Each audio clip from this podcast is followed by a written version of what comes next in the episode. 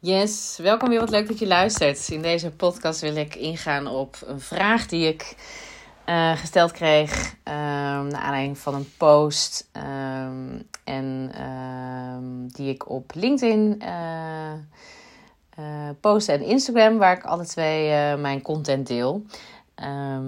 En deze vraag ging over ja, de hoe en waarom dan. Hoe, hoe heb, heb ik um, dat inzicht verwezenlijk bij een klant die ik had, uh, heb. Een, uh, een, een stijl wat ik in mijn traject heb zitten, die um, prachtige doorbraken hebben behaald. En daar schreef ik over dat, um, dat het, ja, zij maakte zich eigenlijk zorgen over hem. Uh, en uh, hij, uh, het ging over zijn uh, mentale en lichamelijke gezondheid. En over wat dit met hem deed, um, zichtbaar en onzichtbaar. Eigenlijk voor in de toekomst. En kijk, het is nou ja, ook niet zozeer aan mij om hier ehm, enorm over uit te wijden op deze privé kwestie. Maar in het algemeen wil ik daar wel mijn antwoord op geven. Uh, wat ik. Uh, de vraag was dus: hoe, hoe heb ik dat bereikt bij dit, bij dit stel? Of, heb ik gefaciliteerd? Want zij doen het vaak zelf. Jij gaat het ook zelf doen als je uh, met mij werkt. Dat is ook precies wat mijn rol en functie is. Ik wil het niet overnemen. Ik wil je tools aanreiken zodat je het zelf gaat doen. En uiteraard Zal het in het begin wat meer zijn? Uh, zal ik je wat meer aan de hand nemen? Gedurende het traject laat ik dat wat meer los. Zodat uh, er ook op een zeker moment. Um, dat je dat zelf ook gaat doen. Dat je niet elke keer um, een ander nodig hebt, zeg maar. Dat je, en, en ik ben ook wel van mening dat je. Um, ja, de tools waar we het natuurlijk over hebben, je eigen hebt gaat maken. En jullie jullie ook gaan integreren in jullie dagelijks leven. Uh, maar als vanzelf, uh, als jij een deur hebt gesloten, je hebt een, uh, weet ik veel, jouw, jouw vraag was bijvoorbeeld dat je je wil realiseren, dat je meer, meer emotionele aandacht bijvoorbeeld wil realiseren in je relatie. En als dat dan bereikt is, dan zal je als vanzelf merken, en zo is dat gewoon met algemene ontwikkeling of überhaupt ontwikkeling. En de mensen met wie ik ook werk zijn altijd eigenlijk in ontwikkeling. En het stopt nooit tot we overlijden. Um, dat er dan weer een nieuwe deur open gaat. En dat er dan dus eigenlijk wel weer een nieuw vraagstuk ook weer naar voren komt.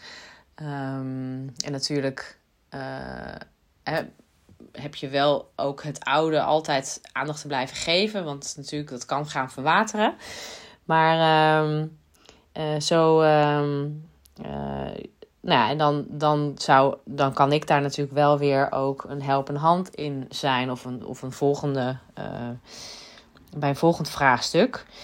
Um, dus, dus mijn doel is enerzijds dat ik een gegeven moment jullie ook wel weer de hand ga schudden. Nu gaan jullie het zelf weer oppakken. En anderzijds, um, als de wens er is vanuit jullie en jullie willen continu eigenlijk uh, de, de, de volgende laag hè, van die uien uierschillen uh, afpellen. Hè, want onder die, die, die schil die er dan zit, als bijvoorbeeld die emotionele verbondenheid of aandacht, beschikbaarheid, daar zit dan nog weer wat onder. Er zit altijd weer een volgende laag onder. Als je die dan weer wil oppakken, dan ben ik ook uh, ja, de eerste die zal zeggen, uiteraard, dat is een volgend thema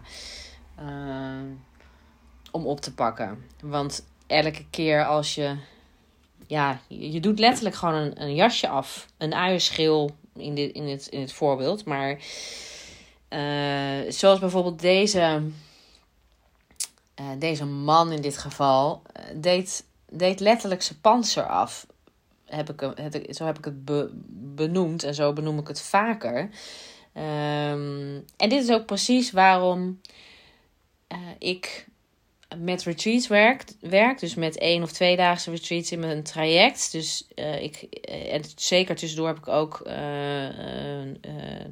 een, een uur consulten, zeg maar. Maar ik werk niet meer op enkel uur consulten. Puur omdat in zo'n retreat die pansers afgaan. En die panzer staat voor een beschermingsmechanisme. Um, en dat zijn er uh, een aantal. We kunnen uh, daar een heleboel bij maar, van hebben, of een enkele. Maar de meest bekende. Um, en dat, ja, de meest bekende is wel dat we uh, alles. ja, zo'n panzer om hebben of een burcht optrekken, zo noem ik het ook wel. omdat we niet gekwetst willen worden. We, we willen niet uh, gekrenkt, gekwetst. We hebben een, een groter ego. Of um, nou ja, hoe je het ook precies wil noemen. Maar uh, dit is ook iets heel natuurlijks. Iedereen heeft dit. We zijn, we zijn op de wereld gezet als best wel kwetsbare individuen, baby's. En gaandeweg de, onze opvoeding doen we ervaringen op die ons krenken, die ons pijn doen. Die jou ook waarschijnlijk pijn hebben gedaan. Waardoor, en als dat een incidenteel iets is geweest, dan zal je niet direct daar een patroon hebben op ontwikkeld. Maar als dit herhaaldelijk is gebeurd, of misschien zelfs wel chronisch een x aantal jaren, dan heb je een echt een hardnekkig patroon ontwikkeld als het gaat over een uh, afweermechanisme inzetten wanneer je getriggerd wordt door iets. Um, en heel vaak, echt heel vaak. Uh, ik, weet, ik weet niet altijd, maar goed, het is altijd gevaarlijk om altijd te benoemen. Maar je hebt heel vaak met je partner iets uit te knobbelen van uh, hetgene wat je. Um, in welk patroon je zat in jouw ouderlijk gezin. Dus uh, en of dat, dat gebeurt veel onbewust, uiteraard. Um, maar je, er, er zijn dus thema's die dan uh, met jouw partner uitgewerkt worden. Die, die getriggerd worden vanuit je oude gezin. En dit is ook, nou, dit, hier smul ik ook vaak van. Van wat is nou, dat is ook echt dan een prachtige puzzel die ik dan heb te leggen samen met uh, ja, of, of één iemand of het stel. Van wat zijn nou de triggers van het verleden, die dus daar ook um, ja, horen te blijven eigenlijk. En uh, wat speelt zich nou af in het hier en nu met jouw partner? En um, nou, dat is gewoon machtig interessant. En als dan als, als ik dat, als we dat dus gaan afpellen, uh, dan komen we ook op uh, de term als, als kwetsbaarheidsbesef. Dit, was, dit, dit, is een prachtige term die, die ik in ieder geval van um, Brene Brown, een onderzoekster naar um, kwetsbaarheid, moed, even kijken, angst, empathie, dacht ik, nou ja, zo'n aantal um, ja, precaire gevoelens. Maar kwetsbaarheid is um, je kwetsbaar op durven stellen en hoe je dit dan doet en op welke manier. Dat, dat is iets waar ik altijd mee aan de slag ga met stellen. Uh, omdat er dus altijd iets van een afweermechanisme onbewust of bewust uh, oppopt. En um, en, als, en, en zo ook bij dit stel, en dat is het antwoord op de vraag, als, als, we, als we gaan inzoomen op dat kwetsbaarheidsbesef, dus het besef hebben dat. Um, uh, even kijken. Het, dat je ze dus inzicht hebt in risico's, in jouw risico's en kwetsbare uh, plekken. Uh, en dan hebben we het over gezondheid of over um, nou, dat, het kan ook zijn dat op een gegeven moment over gezondheid gaat het vooral in het onderzoek bij Brené Brown volgens mij. Maar het, ik benoem hem ook. Kijk, als jij beseft dat jouw partner ook op een gegeven moment um, er klaar mee is met een gewoonte die al jaren uh, destructief is. En dat een partner dus ook bereid is om eventueel uh, zijn spullen te pakken. dan, dan, daalt in, dan daalt het in. Dan ga je je realiseren dat je relatie dus ook kwetsbaar is.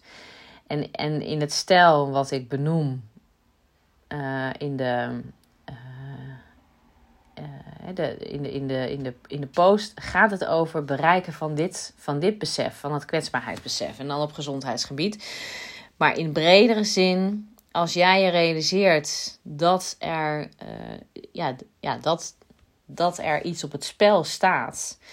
En, um, want, en om een beetje een voorbeeld te geven, om wat, wat context bij deze. Uh, ja, bij dit, bij dit patroon te uh, schetsen. Bijvoorbeeld als je. Um, ja, als je de. Als je de uh, een, een, thema. Hè, we zijn heel erg geneigd om dan te benoemen. Ja. Jij, hè, dat we dan de ander heel erg zitten op jij. Hè, sowieso het woordje jij doet um, ook nooit iets voor mij. Of jij houdt nooit rekening met mij. Um, dan, dan ben jij op dat moment de andere aan het beschuldigen over uh, iets. Um, met ook nog eens het woordje altijd. Dus het enige wat er dan gebeurt, is dat er op, bij die ander, uh, ja, daar gaat die burcht, of dat panzer, of dat afweermechanisme, hoe je het ook wil noemen, uh, wordt opgetrokken. Van waaruit er, er ook weer uh, kanonskogels geschoten worden. En nou ja, dan heb je een over en weer gevecht. Um, versus dus uh, het benoemen, stel hè, dat ik voel, sowieso bij het woordje ik, en, en, over gevoelens valt überhaupt niet te twisten.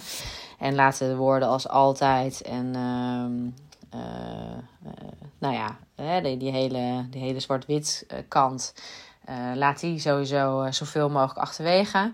Um, nou, ik voel me door dit en dit niet gezien, bijvoorbeeld.